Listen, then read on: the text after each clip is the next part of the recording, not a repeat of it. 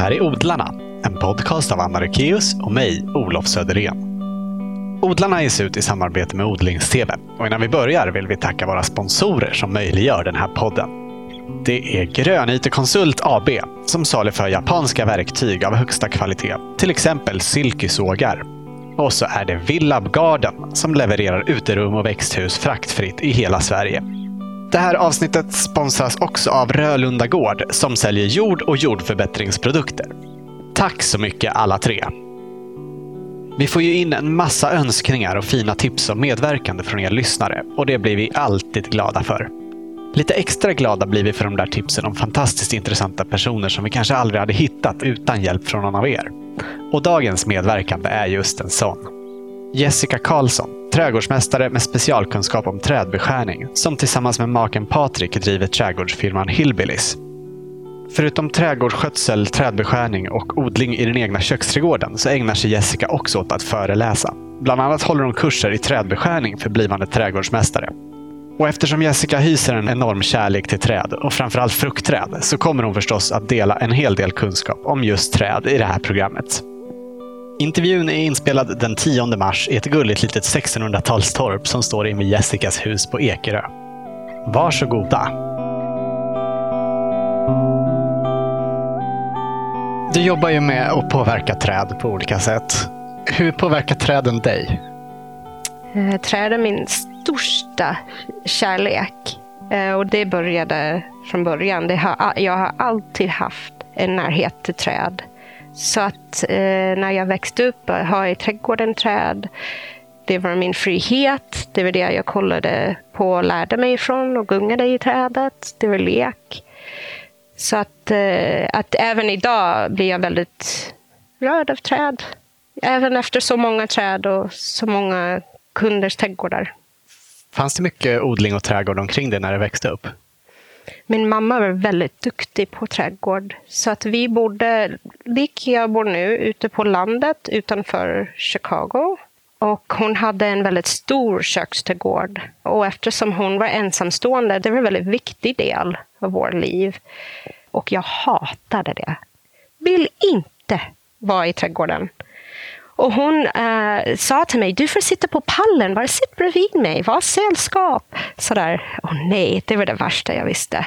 Varför? Så, ja, varför? För nu när hon är inte här längre saknar jag det. Och jag känner, varför gjorde jag inte så? Det ångrar jag mig.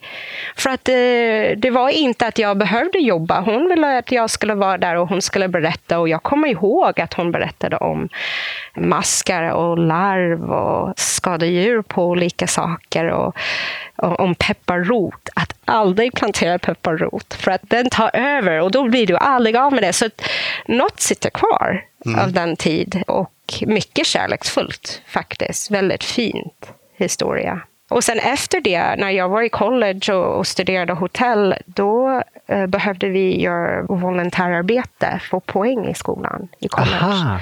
Och då var jag väldigt intresserad på trädgårdar och botaniska trädgårdar och var volontär med det.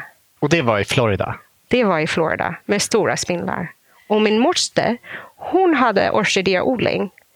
Så att när jag var inte på college, då var jag ute på landet där i Florida. Och eh, hon hade stora, stora odlingar av orkidéer. Aha. Alltså som krukväxter? Eller? Som krukväxt och i träd. I Florida är det, det är så bra klimat så att man hänger upp det. Hänger upp dem i träden. Aha, Så- ute i trädgården? Ute liksom. i trädgården. Wow. Ja, riktigt wow. Och hon eh, var en väldigt duktig odlare. Så att eh, nu har hon gått i pension och vi orkade inte längre, men, men hon gjorde det många år. Florida, det måste ju vara härligt med det klimatet. Men hur var det i Chicago? Det, det klimatet liknar ganska mycket som vi har här va? Ja, det är varmare på sommaren i Chicago och det är kallare på vintern och det blåser. Det blåser rätt mycket där. Och skillnaden för mig kanske är mest att eh, allt blir större. Mm. Ekarna där är gigantiska. Så det är den största skillnaden jag ser från Chicago och här i Stockholm. Ligger det längre söderut? Alltså har man fler ljustimmar på där? det är det, men, men inte så stor skillnad faktiskt. Eller förlåt, på Ja. vintern menar jag. Det är på vintern man har fler Ja, ljustimmar det längre är, det är mörkare här i Sverige, visst är det. det, är Ja. det. Så att det har man mer ljustimmar och det är lite annat klimat sådär eftersom Men, men ja, som sagt, det kan vara mycket mer snö där ibland än det är här i Stockholm. Mm. Hur kom det sig att du hamnade här sen då? Ja, när jag var 18 flyttade jag ner till Florida. Så jag flyttade från Chicago till Florida. Mm. Och eh, då ville jag vara långt ifrån mamma. Det tog, jag kommer ihåg att det tog sådär 20 timmar att köra ner till college där i Florida. Och där bodde min, mina mostrar som, eh, som hade hus där ute på landet. Så att vi studerade mitt i äppelsinodlingarna. Och där träffade jag Patrik, min man. Ah, han, han, var, i, han, precis, han är svensk och kom, åkte till USA för att spela fotboll. Och där träffade vi och studerade hotell, så någonting helt annat än vi gör idag. Och Florida var, var helt fantastiskt att uh, studera och jobba och vi stort trivdes där. Men sen när barnen kom, vi kände, eller vår första barn kom, Emma, då vill vi hem till Sverige.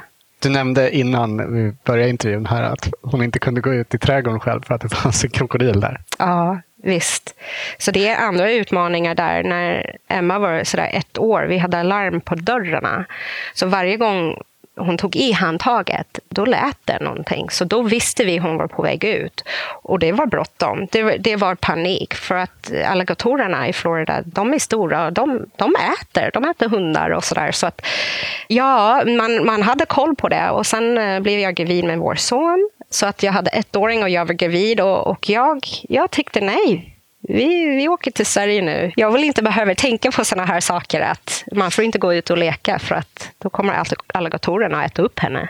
Nej, så alligatorerna var en anledning att Ja, men de solade på baksidan, så att det är inte ovanligt. Och de kan vara några meter lång, så att, och folk matar dem. Så det är, det, det är att vara lite försiktig. En helt annan vardag än vi har idag. Ja. Eller hur? Ja. Tänkte du aldrig tanken att ni skulle tillbaka upp till Chicago då? då? Nej, jag hade varit i, i Sverige och hälsade på Patriks familj flera gånger innan vi hade flyttat hit. Och eh, jag trivs med den här klimatet och det är kanske inte så konstigt att det inte är så långt ifrån från det jag växte upp med i Chicago. Men det är någonting som är hem för mig här. Jag vill inte ens resa tillbaka till USA. Jag vill inte ta semester ens där. Vad ovanligt, jag vet. Eh, men det här är hem. Jag älskar dofterna, jag älskar att följa säsongerna. Maten, helt fantastiskt. Så att, nej, det här är hem, hem för mig nu. Och sen hade man perioder att, jag kommer ihåg vi flyttade hit i maj och då kommer man in i våren, eller hur? Och alla var ute och hälsade på och grannarna vinkade när jag gick förbi med barnvagn. Och det var så härligt med vår. Det är fåglarna, alla sa till mig, hör du fåglarna? Det är fåglarna ute. Och jag tyckte alla var så trevliga. Och sen kom vinter och samma personer som hade hälsat på mig hela sommaren och, och man hade midsommar med, helt plötsligt man reagerade inte på varandra när man gick förbi. Och jag sa till Patrik, för alla har blivit så otrevliga helt plötsligt. Mm. Och då sa han, nej, det är vinter. Man går in. Man ska ha eh, ljus och man ska sitta framför brasan, man ska läsa en bok. Ta det lugnt, Jessie. Sådär. Eh, och nu har jag lärt mig det. Och, och, det är faktiskt mysigt. Det är inte alls personligt. Det är att vi kommer in och det gör växterna också. Och det är väldigt vackert, för växterna också går i vilan, precis som oss.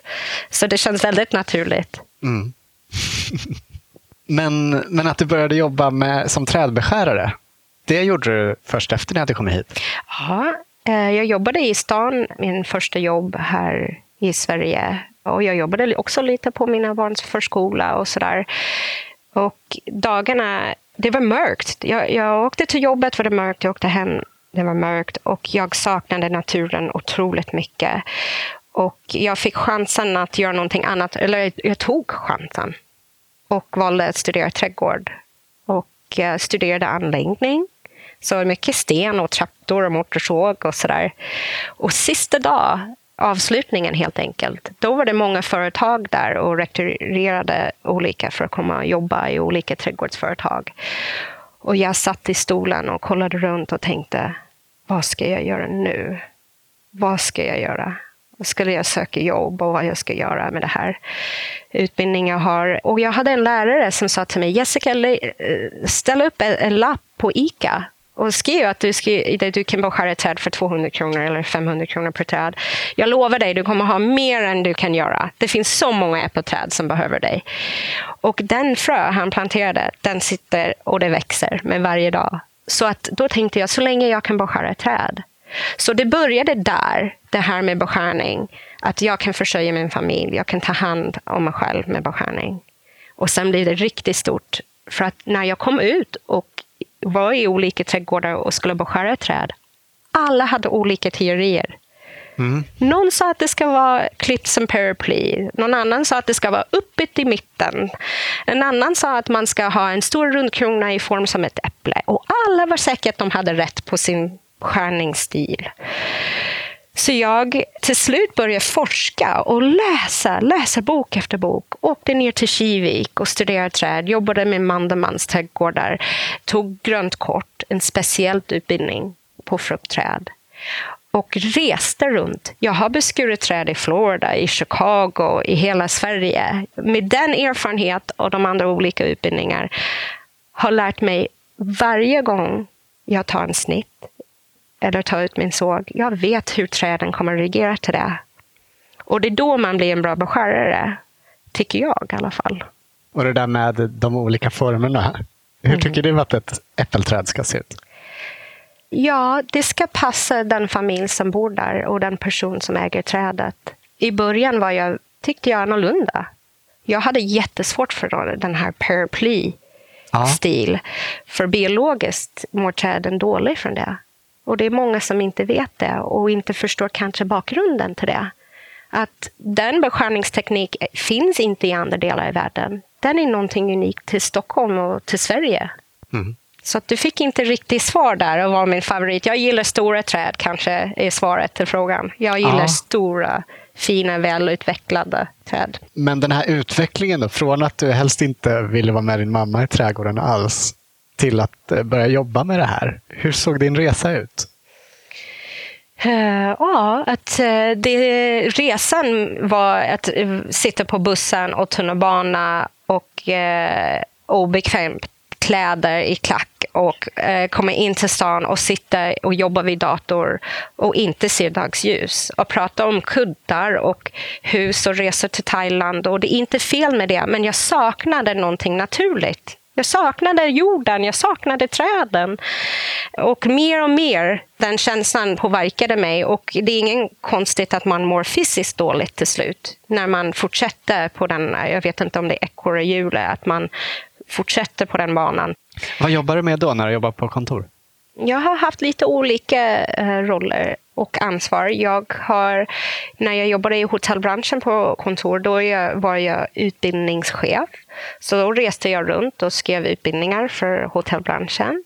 Här i Sverige jobbade jag med ekonomi och, och eh, räkna ut saker, statistik, lite sådana där. Svara i telefon, boka in eh, möten och sådär. Och det får jag också göra nu. Det tycker jag också är roligt, bara inte hela tiden. Så länge jag kan komma ut. Mm. så när jag fick chansen att byta bana, jag, jag trodde aldrig att det skulle fungera. Det trodde jag inte när jag valde att studera trädgård. Och de omkring mig, jag fick mycket feedback att det var, jag, ja, jag var äldre. Att, att jobba med trädgård var fysiskt. Hur skulle jag fixat jobba med trädgård. Så när jag började men så diskutera... gammal kan du inte vara. Nej, det är jag inte. Men, men, det var lite så att man skulle börja karriären som trädgårdsmästare och det gjorde jag inte. Så att, att jag skulle studera igen och sen utbilda mig och börja en ny karriär. Många tyckte att det var vågat. Och sen att det är vinter så många månader. Mm. Eh, jag fick frågan, ska du äta gröt? Hur ska du försörja dig? och så där. Men, men eh, som tur med träd det är nästan året runt. Så det är inte någon, inte alla vet det. När man jobbar med träd har man året runt arbete. Mm. Hur, ser din, hur ser ditt år ut? Är det vissa perioder som är väldigt stressiga eller har du det ganska jämnt fördelat? Ja, det är väldigt stressigt ibland. Ja, när då? Eh, och det trodde jag när jag jobbade, jobbade byt bransch från kontor till trädgård. Jag trodde inte det skulle hända. Jag trodde det skulle vara mycket mer harmoniskt. Men vi, vi människor följer naturen, även om vi inte är medvetna om det. Så att när våren kommer, vi vill ut, precis som växterna. Och då vill folk köpa blommor innan de vill vara ute. Och då vill folk köra igång med att gräva och beskära träd kanske innan de är beredda för det. Så att eh, vår är väldigt mycket så det börjar där i januari med beskärning, januari, februari med vårbeskärning och sen går man in till mars nu och det är mycket beskärning fortfarande, fruktträdsbeskärning, uppbyggnadsbeskärning. Då går vi in i april och då kan vi börja jobba med jorden. Så det blir lite ogräsrensning.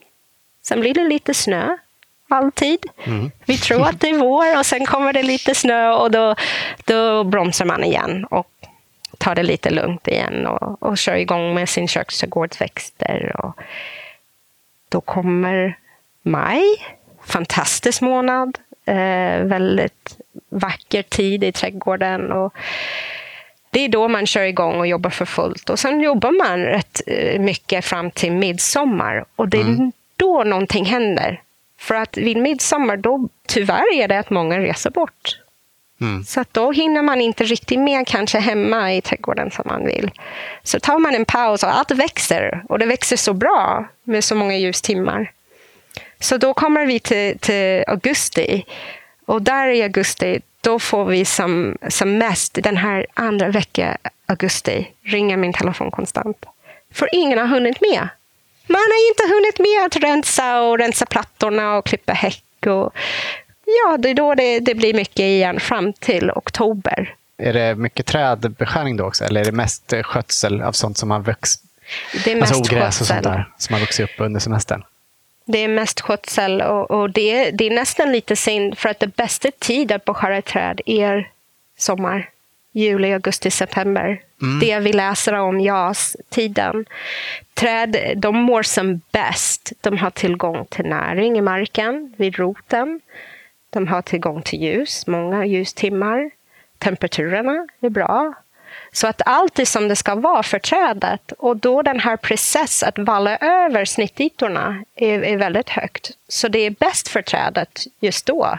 Och nästan alla träd kan beskäras under denna årstid. Så många som undrar, när ska jag beskära plommon? När ska jag beskära körsbär? När ska jag beskära äpple?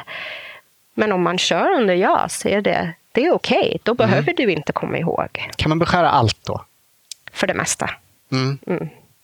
Det är, det är någon... svårt att säga, för att det finns olika eh, stadium i, i, i, växterna. En ung träd vill, vill man generera tillväxt. Så då beskär vi unga träd bara på våren. Så mm. det beror på lite sånt också. Ja. Sen efter JAS då? Gör ni någon beskärning under hösten också? Eh, det gör vi. Vi beskär kanske 200-300 träd i oktober månad. Mest fruktträd, mest körsbär och plommon. Men vi beskär väldigt många träd under hösten för ja. att dämpa tillväxt. Eller de sorters träd som man ska helst eh, beskäras på hösten som blödande träd. Och dämpa tillväxt är alltså om de får mycket vattenskott till exempel? Och sånt där. Precis, så att, att på hösten, allt näring är på, på vägen ner i växten till roten för att lagra det för att överleva vinter. Så att när vi beskärar på hösten, trädet kan inte reagera med att skicka ner skott. De är fokuserade på att skicka allting neråt. Så det är då man kan uppnå det här att få trädet att lugna sig lite. Så när man beskärar på hösten säger man till växter att ta det lugnt.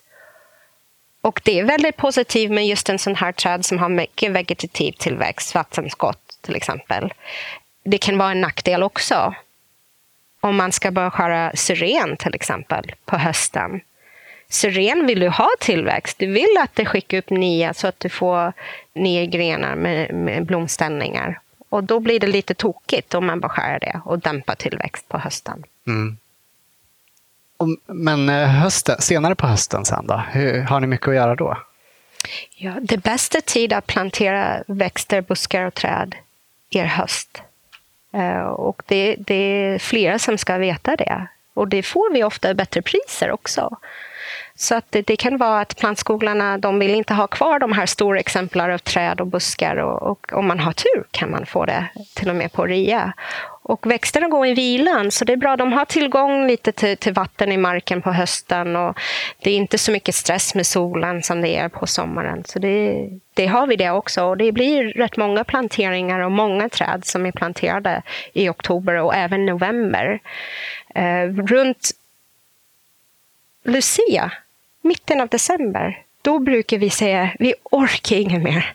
Snälla för vi andas. Mm. Så det är då vi tar paus eh, från, från trädbeskärning och att vi, vi stannar upp och säger nu ska vi också, oss trädgårds folk gå i vila lite. Mm. uh, och det är väldigt härlig tid, så då går vi in och, och sitter framför brasan och kollar på Downtown Abbey och ja, läser böcker. Sitter i det här mysiga torpet. Ja, det är så mysigt. Mm. Ja. Så om man ska sammanfatta, går det att säga kort när det är bäst att beskära beroende på vad man vill uppnå? Det är bäst att beskära plommon och körsbär på hösten. Mm. Det är bäst att beskära alla växter för det mesta under JAS, juli, augusti, september. Om ni vill generera tillväxt beskär ni på våren. Om ni vill dämpa tillväxt beskär ni på hösten. Så att det är så svårt, det är det många vill ha rätt eller fel, eller fel med beskärning. Och det är det som är så komplicerat. Beskärning är väldigt komplicerad. Eh, våra elever på trädgårdsmästarutbildning, de har 25 dagar ute och beskära. Så att det, det är ingenting, många tror att man kan ta en helg helgkurs, en två dagars kurs och lära sig att beskära, men det är många olika växter. Och det beror på vad du vill uppnå med det. Om du vill säga till trädet att växa mer, då ska du beskära på våren.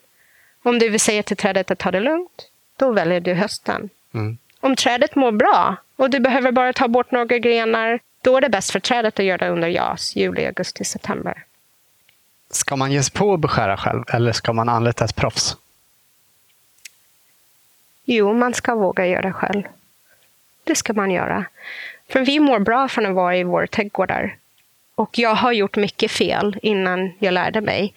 Och det måste nästan alla erkänna, de har gjort i trädgården, att man har gjort fel. Oh ja. Eller hur? ja. Och kanske att det är så vi lär oss bäst ibland. Så att eh, det tycker jag. Och jag tycker att vi ska våga dela vår kunskap. Att fråga, fråga grannen när de är ute och, och beskära varje vår. Vill du ha tillväxt på trädet? Och då kanske säger de nej, jag vill inte alls ha tillväxt. Men jag går ut varje vår kanske. Det är så de gör. Man, man säger man går ut varje vår och klipper trädet, det är det vi gör. Men om man går långt tillbaka historiskt i Sverige, man har alltid beskurit på vår vinter. Och varför? Jo, bonden gör det för foder för djuren. Så man behövde de här energirika skott för att mata djuren.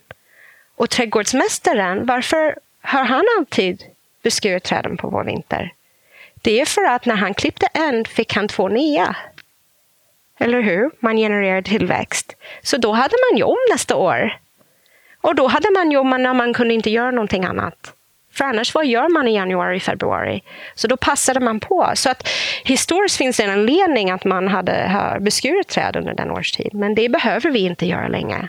Nej. Vi kan göra det så att det är bäst tid för träden. Jag har hört eh, sägas i något sammanhang att när det gäller äpplen och päron så är det bättre att beskära och kanske göra lite fel än att inte beskära alls.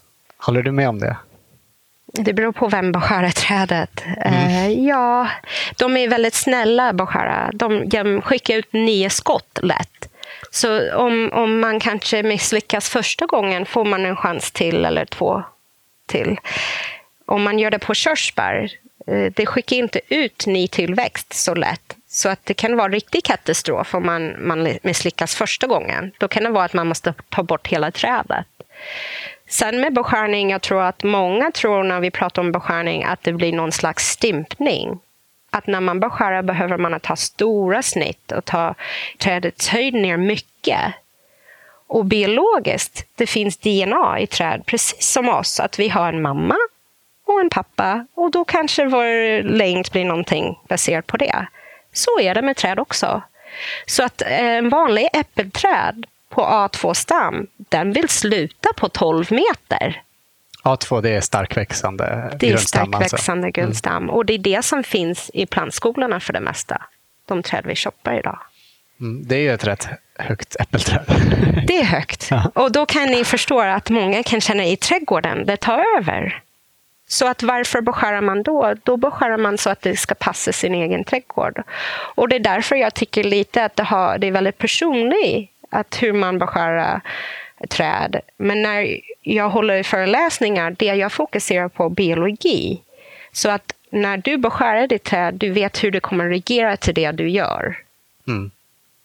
Men om man vill ha ett träd som är fyra meter, då, som många kanske vill, Mm. för att man ska kunna nå lättare och komma åt frukten och sådär. Ska man satsa på ett svagväxande istället då? Det ska man göra.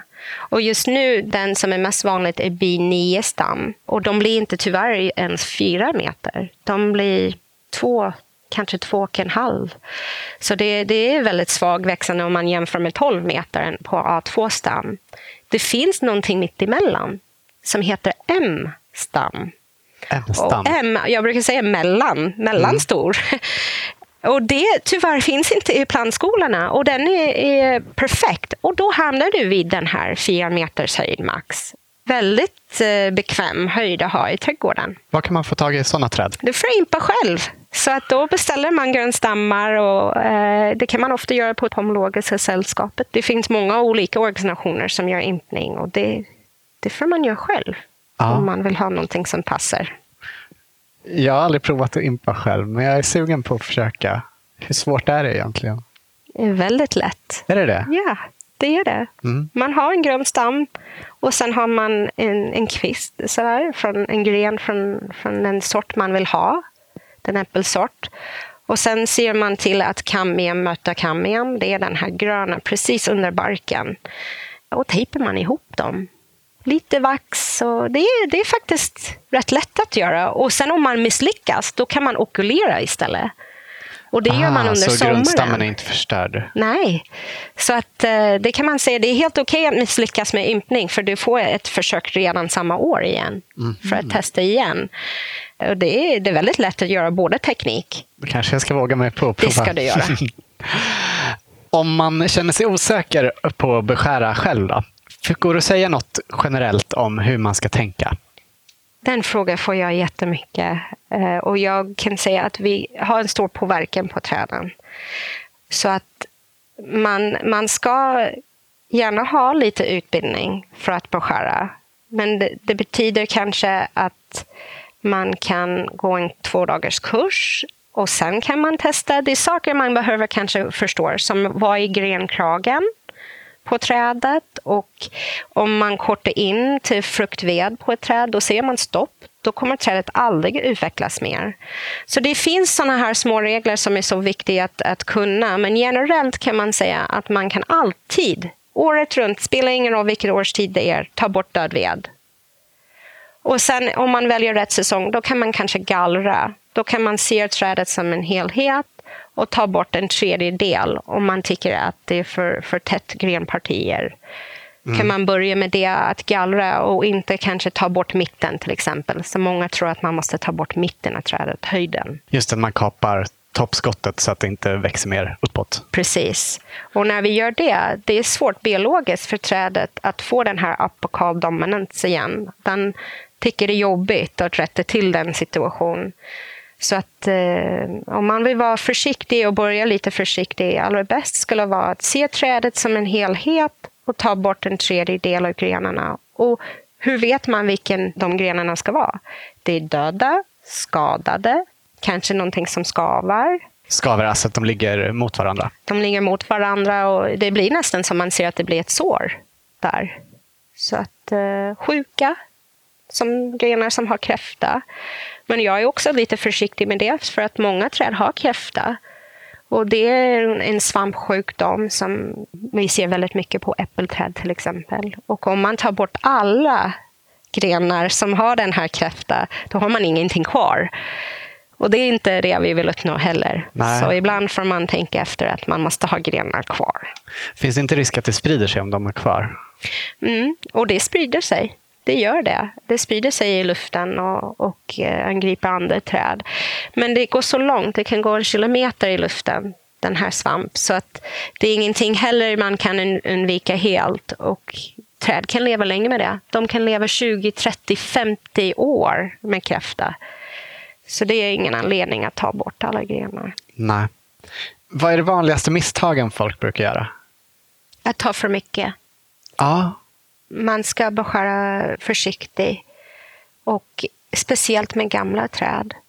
Om, om jag är 90 år och jag säger imorgon ska jag operera höften. Då kanske ni reagerar och tänker efter, oj, den är stort. Ja, lycka till, det kommer att gå bra. Tänker man lite, lite försiktig, är man. Men om jag är 25 år och jag säger imorgon ska jag operera höften, då säger ni till mig, ingen problem, ni är hemma om två dagar, eller en dag, eller samma dag. Och det är så vi kan tänka också med träden också. De gamla träd får man vara försiktig. Det där att ta mycket från en gammal träd, de har inte alltid möjligheten att återhämta sig från det. Nej, det är bra liknelse. Mm. Är det någonting mer som är viktigt att tänka på? Man ska alltid vara försiktig med säkerhet. Uh, om det är ett träd som kräver att man klättrar högt ska man se till att besikta sin stege och att se till att man har bra, vassverktyg. Den största skillnaden med, för oss när vi är ute och jobbar på skärträd är att vi har bra sågar och, och, en bra sekatör. Så att den verktyg man, man jobbar med är, är, bra och det gör det så att man kan jobba mer säkert.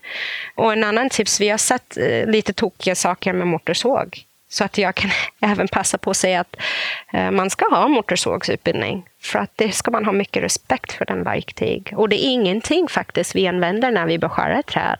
Nej. Nej, många kan när de ringer och bokar en tid säga ta med motorsågen. Och även om vi har alltid med motorsågarna i bilen, beskärning ska inte uh, göras med motorsåg. Nej. Utan den är för att fälla träd? För det mesta. Och sen kan vi gå in i arboristyrket. Och arboristerna de oftast klättrar högt i björk och ek. Och det kan vara att de har uh, motorsågarna för sånt arbete, men då är det en utbildad arborist. Vad är skillnaden mellan arborist och trädbeskärare? En arborist, när man ringer en arborist, då söker man någon som har kunskap att beskära stora träd, kronträd som björk och ek och ask de oftast kommer med trädvårdutbildning och det är det man helst vill ha. Om man ska anlita en arborist vill man ha någon som har utbildning med trädvård så att de vet vad man ska göra och vilken åtgärd man ska göra med, med en sån träd. Eh, trädbeskärare är de också på något sätt. Det är inte ovanligt att en arborist också beskär med handsåg och sekatör. Men de gillar att klättra.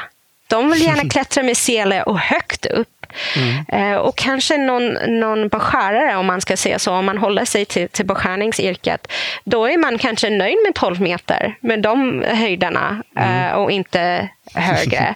och sen har man en, en utbildning i beskärning och biologi av träd, att förstå vad är det som händer när man beskär olika sorters träd. Ja. Klättrar du mycket i jobbet?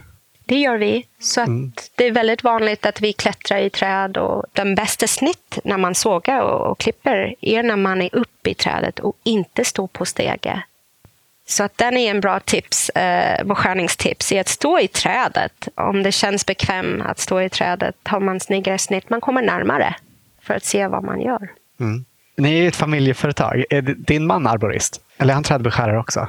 Han är också trädbeskärare. Eh, mm. Dock gillar han att klättra mer än mig.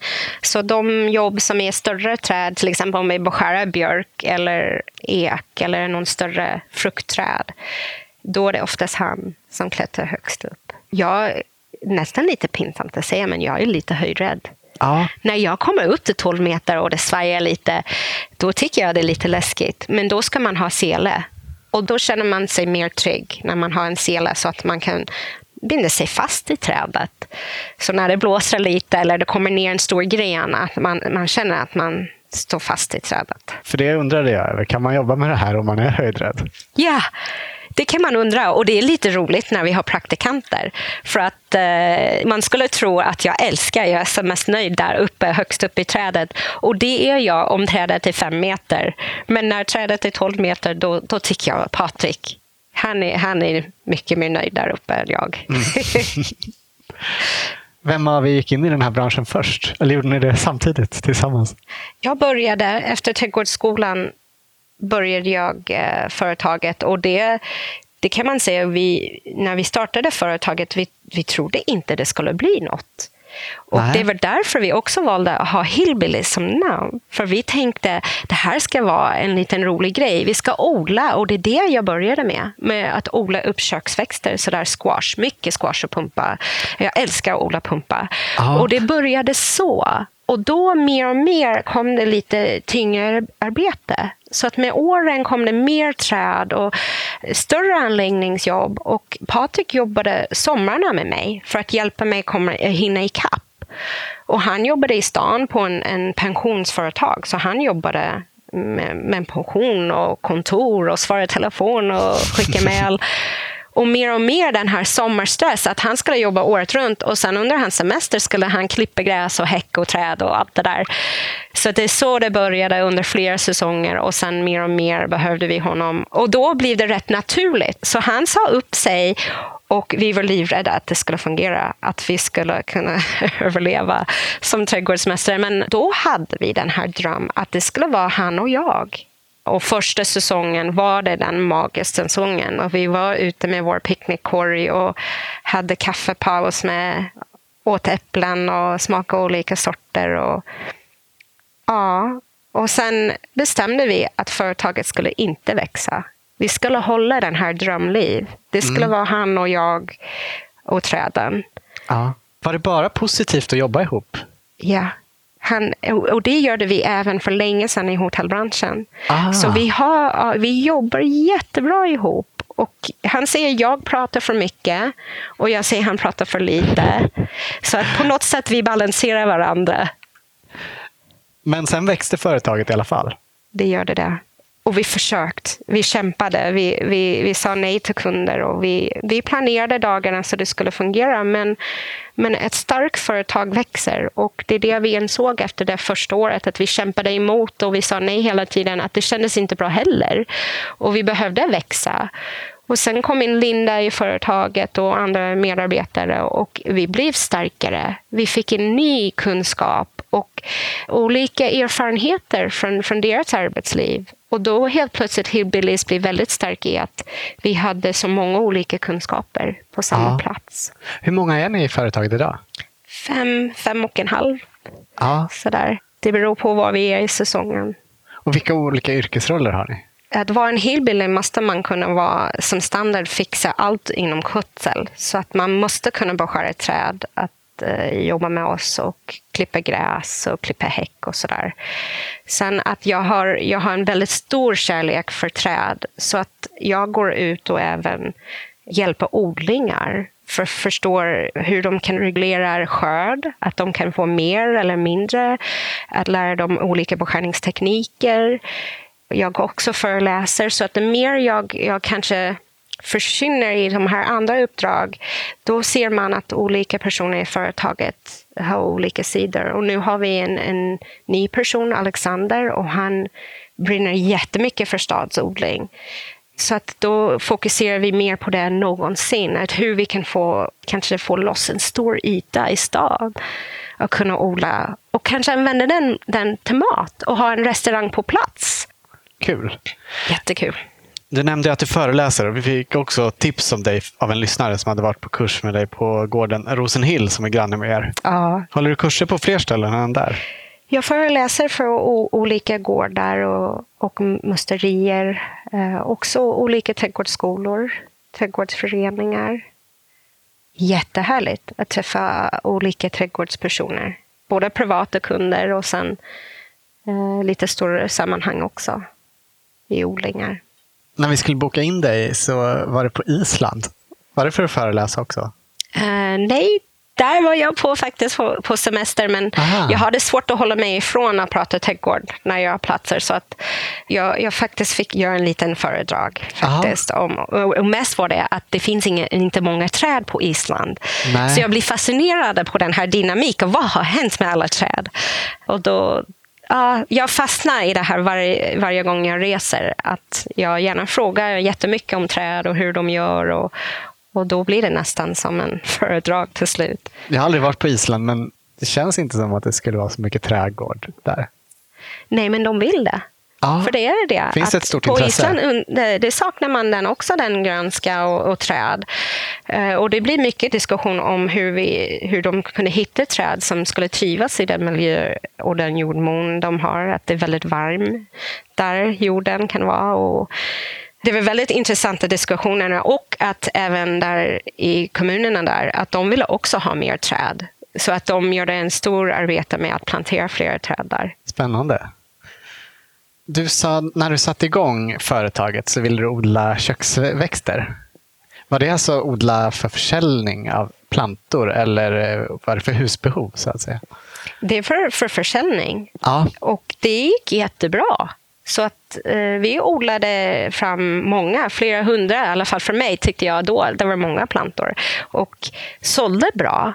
Men utmaningen blev att när jag var ute och jobbade på dagarna, då behövde vi ha någon som skulle öppna växthuset, som skulle vattna och sköta alla de här fina plantor.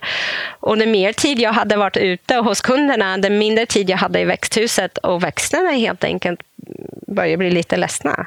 Mm. Så tyvärr, det gick inte ihop att vara odlare i växthus och vara trädgårdsmästare ute i trädgårdarna. Och där stannar det. Så nu den odling vi gör idag är, är lite för våra kunder. Speciellt om det är någon speciell växt man vill ha. Annars gör vi det till vår egen köksträdgård. Vi sitter ju nu i ett torp på er tomt här och odlingarna är här, här utanför fönstret. Vill du berätta lite vad ni odlar för egen del? Squash, mycket sommarsquash, gurka, tomat, grattis. Allt. Jag älskar pumpa. Och Det som är så fantastiskt med pumpa är att det håller till januari, februari. Så att man har någonting att äta i januari, februari som kommer från trädgården och det är nästan godast då. För då är sockerhalten som mest. Så att vi alltid odlar pumpa och kryddor. Mycket persilja och basilika i mängder och fryser in det. Så att uh, hela frysen är fullt kom oktober. Och Det som är så härligt är att nu har vi volontärer som kommer och bor med oss på sommaren. Aha. Och Det är de som sköter vår trädgård för det mesta. Nästan pinsamt att säga, men de är här och lär sig hur man gör och hur man odlar. Är det genom WOOF ni har de här volontärerna?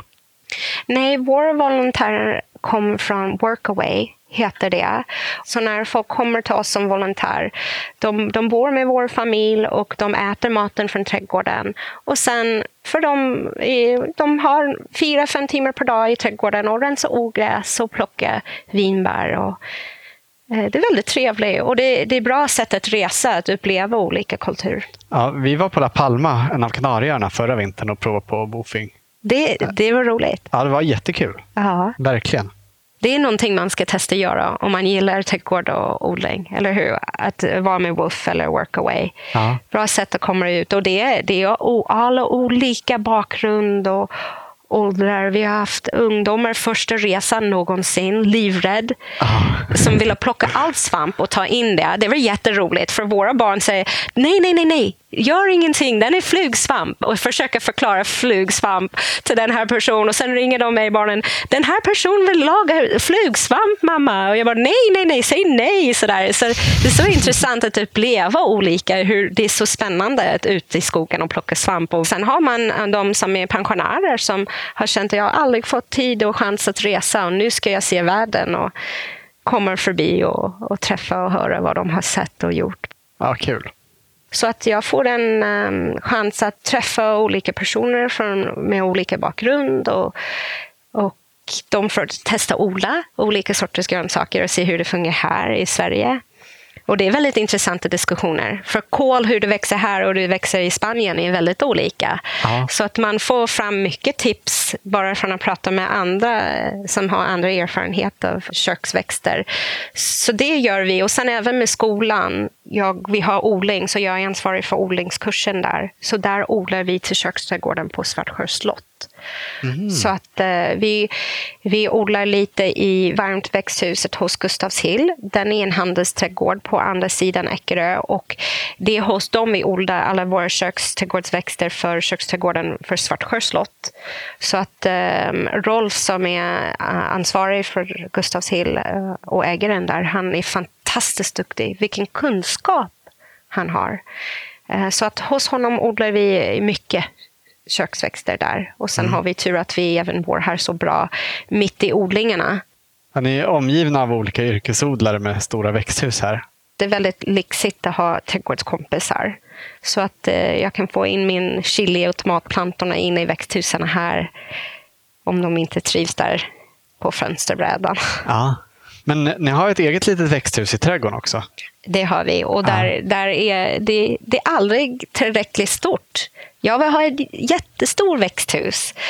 Eh, Och den är ungefär 9 kvadrat, 10 kvadrat, någonting sånt där. Och, men det räcker för tomat och chili och en aprikosträd. I vilken grad är ni självförsörjande på grönsaker och, och sånt? Kanske 30 procent. Jag Ja. skulle vilja vara mer. Men det är ganska mycket ändå. Mm. Jag är självförsörjande. Det är en stor familj också. Ja, det är sant. Och vi är självförsörjande på ägg om det räknas för någonting. Ja. Eftersom vi har höns i trädgården. Det var härligt att ha egna ägg. Ja, det är så. Man, man är rik när man har höns. Och de äter alla rester och de är så snälla. Mm. Men, men mer kan man odla och det gör vi. vi. Vi har lite mer odlingsyta med varje år och mycket frukt. Det känns eh, tokigt att shoppa äpplen. Ja, När vi har 20 olika äppelträd i, i trädgården, då känner man att man vill gärna ha sina egna äpplen. Ja. Ja. vi har precis fått smaka en jättegod äppelmust som ni har från egna äpplen. Va? Och det är fantastiskt. När man har för många äpplen ska man musta dem. Och just den äppelmust som ni, ni smakade, det var Åkerö. Och den är fantastiskt äpple. Ja, jättegott. Verkligen. Jättegott. Musta äpplen. Det ska man göra om man har för många. Mm. Och det gör ni på Rosenhill här bredvid också? Vi har som tur eh, musteri som granne. Så att eh, det är väldigt härligt ställe att hälsa på på sommaren med sina äpplen. Och de har en stor badkar. Så att man tar med sina äpplen och då tvättar de dem i badkaret. Och sen går de igenom en, en flis, vill jag säga. De mosar ner äpplen till en, en mos och sen trycker de, de pressar ut musten. Och eh, nu har det blivit väldigt populärt att, att göra bag box, att ha pasteuriserad äppelmust. Och då på det här sättet kan vi dricka must idag tillsammans här i, i mars. Så att det håller länge eh, utan kemikalier. Så det är jättebra. Jättebra sätt att ta hand om sina äpplen och förlänga det. Men vi också fryser in, så att vi fryser in jättemycket. Det är denna utmaning att när man får Alltså frysa in must? Eller Frysa in must, Nej. ja. Och sen frysa in äpplen. Så att Ah. vi skär äpplen du vet, och, och in i frysen och ta ut det för att göra paj. Så på det här sättet kan du också vara självförsörjande. Att du använder allt du har. För man får för mycket. Med plommon till exempel. Man får allt plommon samtidigt. Så då fryser vi in det i påsar med kärnorna i. Du vet, vi hinner inte. Jaha, ni tar med, med kärnorna Så också? allt. Man plockar plommon i en plastpåse och in i frysen. Sen när vi gör sylt sen, då kokar vi ner det och då får vi ut all kärnor då. Så att man tar vara på det man har och inte bara tänker ah, nu kommer jag inte hinna att rensa allt det här och göra sylt och sådär. Nej, allt Nej. går in i frysen. Det är ganska ofta man ser eh, äpplen och plommon som bara ligger och ruttnar bort i trädgårdar. Ja, det är katastrof nästan. När man tänker på vad vi importerar. Vi behöver äta det vi har här och eh, det, det är mycket förfrågan efter det. Den, den är jättestor förfrågan efter ekologiska äpplen i Sverige. Så att vi ska använda dem. Och det är, det är många familjer och många personer som vill ha. Det finns fantastiska sidor på Facebook att man kan eh, registrera sig, att man har för mycket av någonting. Och sen kommer någon annan och får ta vara på det. Då slipper du plocka upp det från marken till och med. Mm, det Så det är jättebra. Och även på skolan, vi försöker stödja skolorna i närheten också. Att vi kommer med olika sorters äpplen, eftersom vi har tur att träffa alla de här fantastiska olika äppelträd. Gå in till, till skolan med alla dina extra äpplen och lämna dem där och berätta om sorten. Istället för att lämna en kartong äpplen, skriv lite att den här sorten är Ingmar, Marie och det smakar bäst den här årstid. Och det tycker barnen är jätteintressant. Och även med att plantera frö. Om man har extra frö hemma eller jord och så där så att barnen odlar och vet. Och vi får väldigt intressanta frågor. Till exempel eh, hur man odlar kyckling. Sådär. Och då berättar vi att de är djur. Man kan inte odla fram dem på samma sätt. Och hur det funkar med ägg. Och, eh, många tror att kyckling kommer från Ica. Ja, man tänker inte så mycket på det. Så det är Nej. fint att veta var maten kommer ifrån, om det är grönsaker eller djuren eller vad det är. Alla borde få lära sig odling i skolan. Det ska vara standard. Om man ska kunna sy ska man kunna, kunna odla, odla. Och kanske det var så att förr kom det hemifrån naturligt att odla. För det gör det vi för att överleva. Men vi kommer för långt ifrån det. Hur länge har ni haft hönorna? Vi har haft dem eh, minst åtta år. Och eh, vi brukar kläcka fram, jag vet inte om man säger så, kläcka Ja. fram kycklingar varje vår till påsk. Så det är lite roligt för, för barnen att se den processen också. Att egen sitter där i värmen för 21 dagar och sen kommer de lagom till påsk, de här små kycklingar. Och tyvärr blir det många tuppar. Vi får 50-50. Så att om, om vi får 10 kycklingar, det är kanske fem som är tuppar. Och, och för det mesta kan man inte ha mer än en eller två tuppar. Grannarna, de reagerar på, på tupparna på morgonen. För Ja, så fort det de är ljust ute, ja, så fort det är ljust ute, då börjar de att köra igång. Sådär. Men Mm. fantastiskt djur att ha i trädgården och många, eh, det börjar bli mer och mer populär. Och, och det, vi, vi får gödsel. Det är det som vi, vi gödslar köksträdgården med och de äter alla våra rester. Så att när man har rensat sina kolplantor, eller, de kastar vi in till dem. Maskrosorna älskar dem. Och sen kommer de, de är frigående så de går runt och gödslar gräsmattan. Och, Mm. Sprätter de inte i odlingarna? ja, det gör de. Ja. Ja, och det är för man eh, ser som vacker.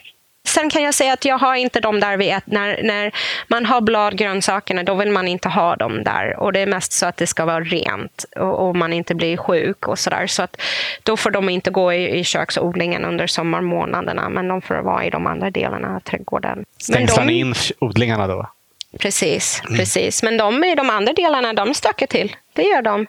Och eh, det är mysigt på något sätt. Och du vet, de älskar bajsa på trappan. Så att Ah. innan ni skulle komma idag, jag, jag tänkte nej, de får vara inne för det är inget trevligt sådär med en bajsande hön, höna på trappan. Men, men på något sätt är det charm med det också. Ja, på det hade sätt. varit okej för vår del också. Ja, ja. Men eh, det här att det föds så många tuppar, slaktar ni dem själva? Det gör Patrik. Jag har lite svårt, jag är vegetarian. Men eh, det gör Patrik och, och då, då äter de det. Och det är bra för barnen upplever det som väldigt intressant. Och det är det här att, att kyckling vi köper idag, den är så stor. Kycklingsbröst är så stor. Om våra hönor, de är, de är kanske några månader. Och det är väldigt lite kött.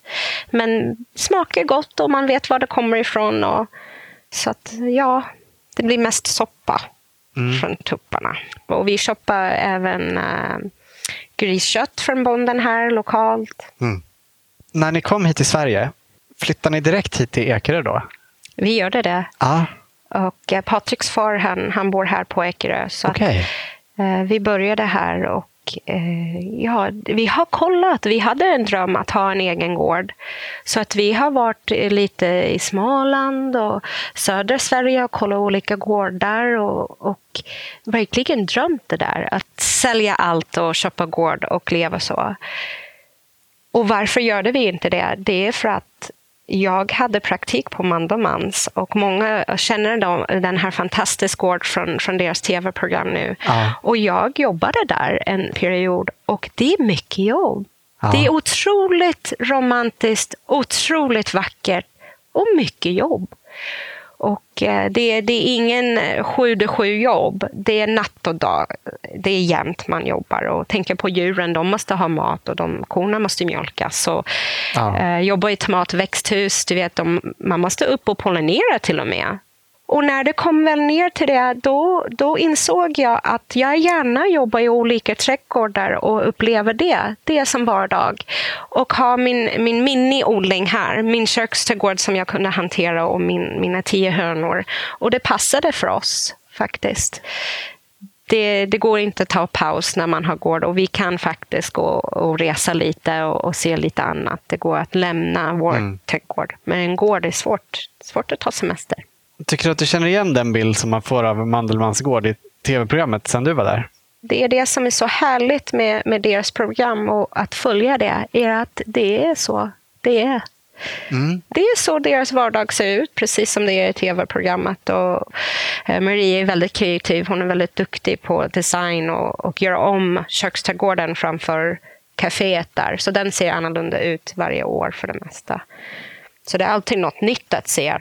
Jag hoppas vi ska få tillfälle att åka ner och göra ett program därifrån snart. Ja, det hoppas jag också.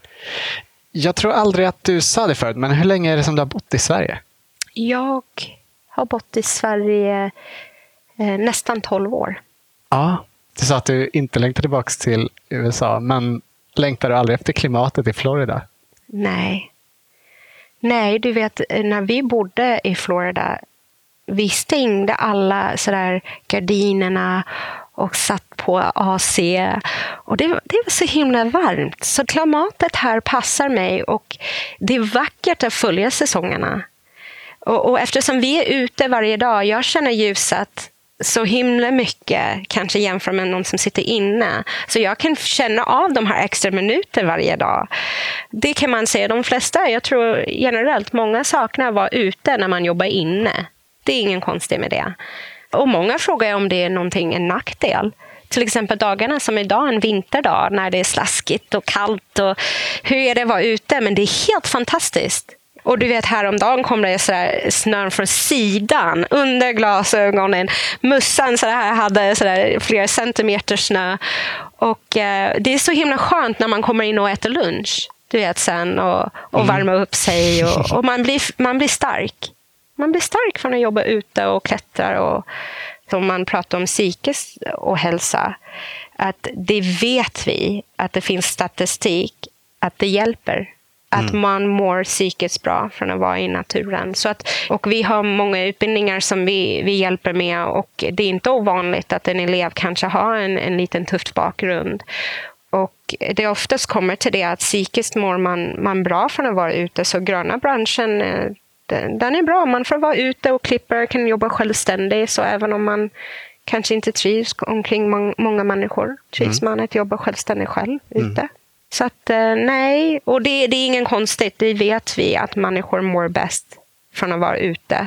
Man får mycket syre och rör på kroppen och sådär. Mm. Och när det är dags att, eh, som sagt, när det blir Lucia och det är mörkt och man känner sig trött, det är det. Man vill vara inne igen och, och sådär. Så nej, jag, jag inte saknar det alls och gärna ta, ta semester här om jag får välja. Mm. Men din mamma lever inte idag? Nej, tyvärr inte. Han hon höra att du blev trädgårdsmästare? Jo, och Eh, det var väldigt fint och, och lite surt. Hon blev lite förbannad alla de här år hon försökte lära mig och jag vägrade vara ute. Och sen började jag berätta om, om olika sorters träd och, och, hon var väldigt duktig på att odla. Så att hon bor, bodde i Las Vegas och pratade jättemycket om att odla uh, olika sorters nötter örter och eh, fruktträd som vi kan inte odla här tyvärr. Men, så att vi hade den dialog i senare åldern faktiskt. Och så, så det var härligt att hon hann med det. Ja. Nu är du själv mamma till flera barn. Tror du att de kommer vara intresserade av att fortsätta i familjeföretaget? Vi träffade din äldsta dotter här innan. Hon verkar inte mycket mer intresserad av eh, vad du berättade att du var under din uppväxt. Nej, det är hon inte. Eh, och det har jag mycket respekt för. Faktiskt att de ska göra vad de vill. Tänk vilken tid vi, vi lever i. Att man får välja att man har den val. Så att, eh, tror jag att de blir involverade, det tror jag faktiskt till slut att de blir det. Vår, mitt barn Kian, han älskar att klättra. Så han är högst upp i byggeråträdet. Och jag vet att när vi har haft andra barn här, de står där längst ner och kollar upp och bara tänker, hur vågar han vara uppe där vid 12, 13, 15 meters höjd? Men, men han är så trygg och kan till och med klättra med sele. Sen är det att eh, vår minsta barn Jack, du vet, han kan olika bönsorter sorter. Men han är bara fem sa du va? Ja. Och det, det börjar från början. Så att barnen ska vara med eh, om de vill såklart i trädgården. Och han ser precis skillnad. Han vet hur man kukar om tomatplantor och att gurka får man vara försiktig och inte ha för djupt. Och hur man vrider en pumpa, att få ta den loss från eh, plantan. Så att jag tror att på något sätt vi planterar ett frö i den nästa generation. Och att jag ska inte tvinga dem att hjälpa i trädgården, men, men det är säkert skulle de säga tvärtom om jag ska vara ärlig. För att när det är dags att plocka bönor till middag, de får varsin hink och de ska inte komma in tills de har fyllt ut den där hinken. Är det någonting mer som du tycker att vi borde prata om? Ja, jag tycker vi ska prata om uh, bra träd att plantera. Ja. Jag har några tips på träd jag kan rekommendera för en, en vanlig trädgård. Och vi kan börja med plommon. Mm. Det finns en plommon som heter komet. Och den är en väldigt kompakt träd.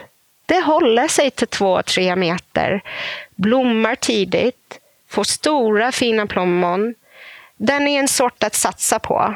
Mm. Ibland kan folk eh, tycka att plommon det ger mycket skörd och träden går sönder och det blir lite för stor träd för trädgården. Men den här komet, den är värt att plantera. Ja. Sen en annan tips skulle vara att plantera aprikos och persikor. Två fantastiska träd. Eh, många ger bort ett äppelträd som present. Men att ge bort persikor, det är exotiskt, det är spännande, det fungerar. Det fungerar här från Stockholm och neråt. Eh, rätt tåliga träd. Vackra blommor, de blommar jättefint i rosa persikor. Och det finns två sorter, Frost och Riga, som fungerar jättebra. Ja, och aprikos? Aprikos, precis. Den behöver man kallväxthus. Men ja. den ger otroligt med skörd. Och många vet inte att man får så pass mycket aprikos att man kan sylta, man kan ha inlagda aprikos, man kan torka dem.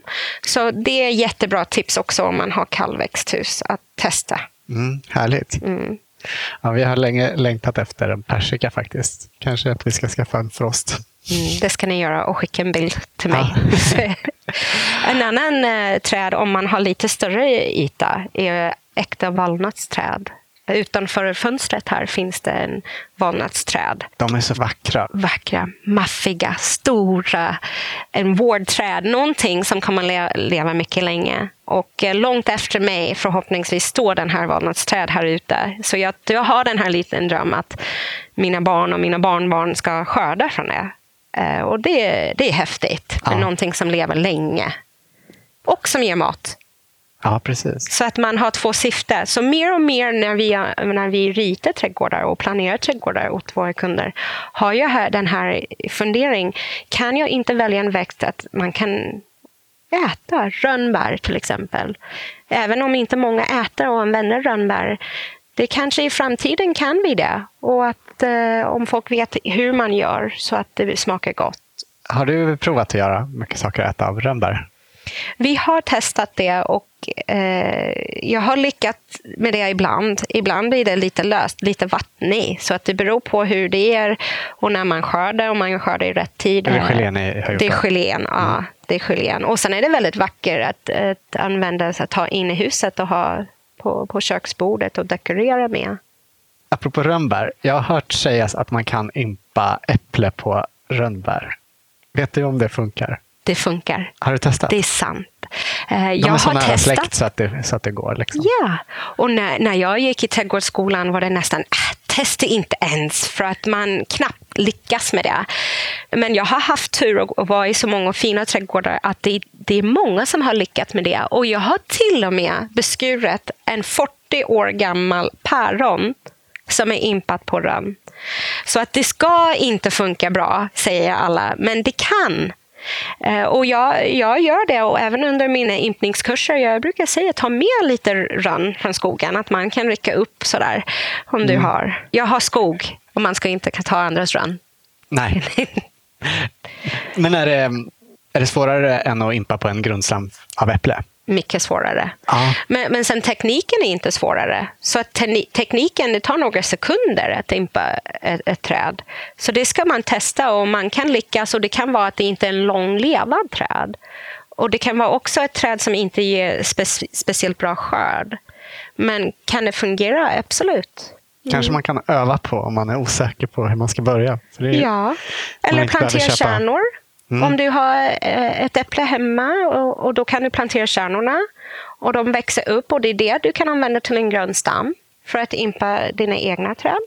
Men då vet man inte riktigt hur pass starkväxande de blir. Det blir en överraskning. Ja. Och det är en utmaning. Många har gjort det, eh, att plantera ett frö från ett äpple. Och då vet vi inte vem mamma och pappa riktigt är, eller hur? Nej. Så vi vet inte vilka egenskaper den äpple kommer ha.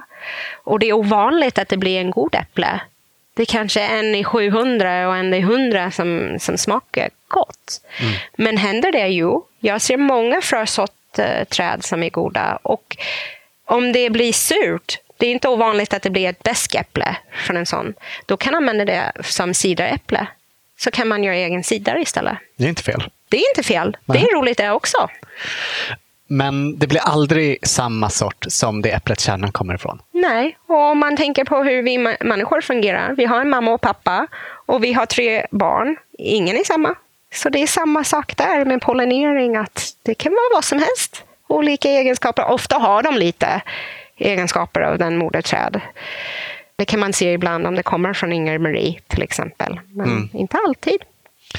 Du, jag vet inte om du har den referensen, eh, Vilhelm Mobergs Utvandrarna. Mm. Där de utvandrade till USA och fick en kärna skickad av astrakanäpplet. Det retar mig otroligt mycket. Mm. Och eh, jag läste böckerna när jag bodde i Florida och vi fick vår dotter. Så under den här alligatortiden kan man säga, jag läste böckerna och alla böcker, de är så fantastiska. Alla ska läsa dem och de har inte gjort det. Och det, det var så faktiskt med det här Äpple och Kristina, tror jag hon heter, eller hur? Hon, hon eh, älskade den där smak och det var så viktigt. Och fick hemskickad till USA där en- en kärna. Och det till och med växte, eller hur? Och blev den där goda äpple. Men nej, det kan inte hända. Nej. Eh, och- Han jag blir dåligt. lite retad av det, men det gör för en väldigt vacker historia. Ja, Och det kanske var en god äpple. men det var Eller ingen astrakan. Nej, det var det inte. Nu drev vi iväg på lite annat här, men har du fler sorttips? Ja, nu om vi ska prata äpple. Mio är en fantastiskt äpple.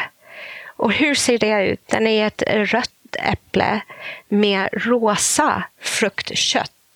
Och eh, sött, syrlig, fantastiskt god och en äppel av vår tid. Och vad betyder det? Namnet kommer från Mio min Mio från Astrid Lindgren. Och den är en fantastisk historia om man har inte läst det. Och det är någonting som är nu, att man kan relatera till. Eh, Och, och en fantastiskt äpple och trädets växtsätt är väldigt vackert. Det är en lagom stor träd kan man säga. Mm. Vilken årstid är det klart? Det är en sommaräpple, så att det, det är där i september ungefär att det mognar. Beror på lite var man bor i Sverige. Andra sorter som är väldigt goda äppelsorter är lite kanske de här gamla sorter som vi har. Åkerö är såklart favorit. Ingrid Marie, Wealthy, Discovery. Tyvärr kan jag inte rekommendera päron. Nej. Nej, många päronträd får päronrost. Och det gör så att den här svamp angriper träden och det blir svårt att få bra skörd. Så att eh, man får hoppas att vi hittar en lösning till det. Men just som det är nu, jag föredrar att plantera äppelträd istället. Avråder du helt från att plantera päron? Nej, för det kan vi inte ge upp. För då försvinner päron i Sverige. Eh, Och det är jag orolig för. Och det finns till och med eh, en grupp som samlar päron. För att det, det vet vi att det är det här problem. Så gamla päronträd ska man vara rädd om. Man ska inte ta bort ett gammalt päronträd om man inte måste det. Nej. Andra fruktsorter är luddkörsbär. Luddkörsbär. Ja, och det är lite roligt för det, det blir en buske istället för en sån här stor... Den största utmaningen vi har med körsbär är att många planterar byggeråträd och de vill sluta på 15 meter, 20 meter. Och det blir stort. Så att luddkörsbär är en bra alternativ att få lite mindre. Och jag är väldigt förtjust i surkörsbär. Och det är bäst att göra saft och sylt med surkörsbär. Det finns en, eh, en sort som heter choklad. Och det, det är mer kompakt, en svagväxande träd. Men luddkörsbär, eh, det, det blir vanliga körsbär på, eller är de liksom... Ja, de, de är de luna. blir själva De- frukterna alltså? Ja, eh, det är de. Och eh, det växer lite annorlunda. Det kan man säga. Det är en annorlunda växt från vanlig körsbär om man jämför med, med fågelbär eller surkörsbär eller bigarå. Spännande. Det är spännande. Ni ska Ah. kolla upp det. Ah. Det har ni plats för också, tror jag. ja, kanske så småningom. Nu har vi fått en massa bra sorttips, men innan vi slutar så skulle vi också, precis som vi brukar, vilja fråga om ditt bästa odlingstips. Min bästa odlingstips. Eh, dela din kunskap. För att vi behöver flera trädgårdspersoner. Så att om du är bra på någonting, dela med dig. Prata med dina vänner, var med i en trädgårdsförening. Eh, det är så många fina olika sällskap man kan vara med om. Det är Äpplen eller Lena Redsrösen. Hon gör en fantastiskt eh, upprop för, för frön nu. Ja. Var med! Vi behöver flera. Det, det spelar ingen roll om du tycker att du inte är bra på det. Var med, för att trädgård, eh, det välkomnar alla. Alla får vara med i trädgård. Och man lär sig hela tiden. Det gäller eh, som trädgårdsmästare att vara ödmjuk. För att det är alltid något nytt. Och det är flera sätt att göra saker. Så det är kanske min största tips är att eh, du är inte ensam om du gillar trädgård. Dela med dig du kan. Och eh, gå ut och träffa andra trädgårdsmänniskor. För att eh, jag lovar det blir roligt. Bra tips. Mm. Tack så jättemycket för att vi fick komma hit och för att du ville vara med. Tack. Det tackar jag.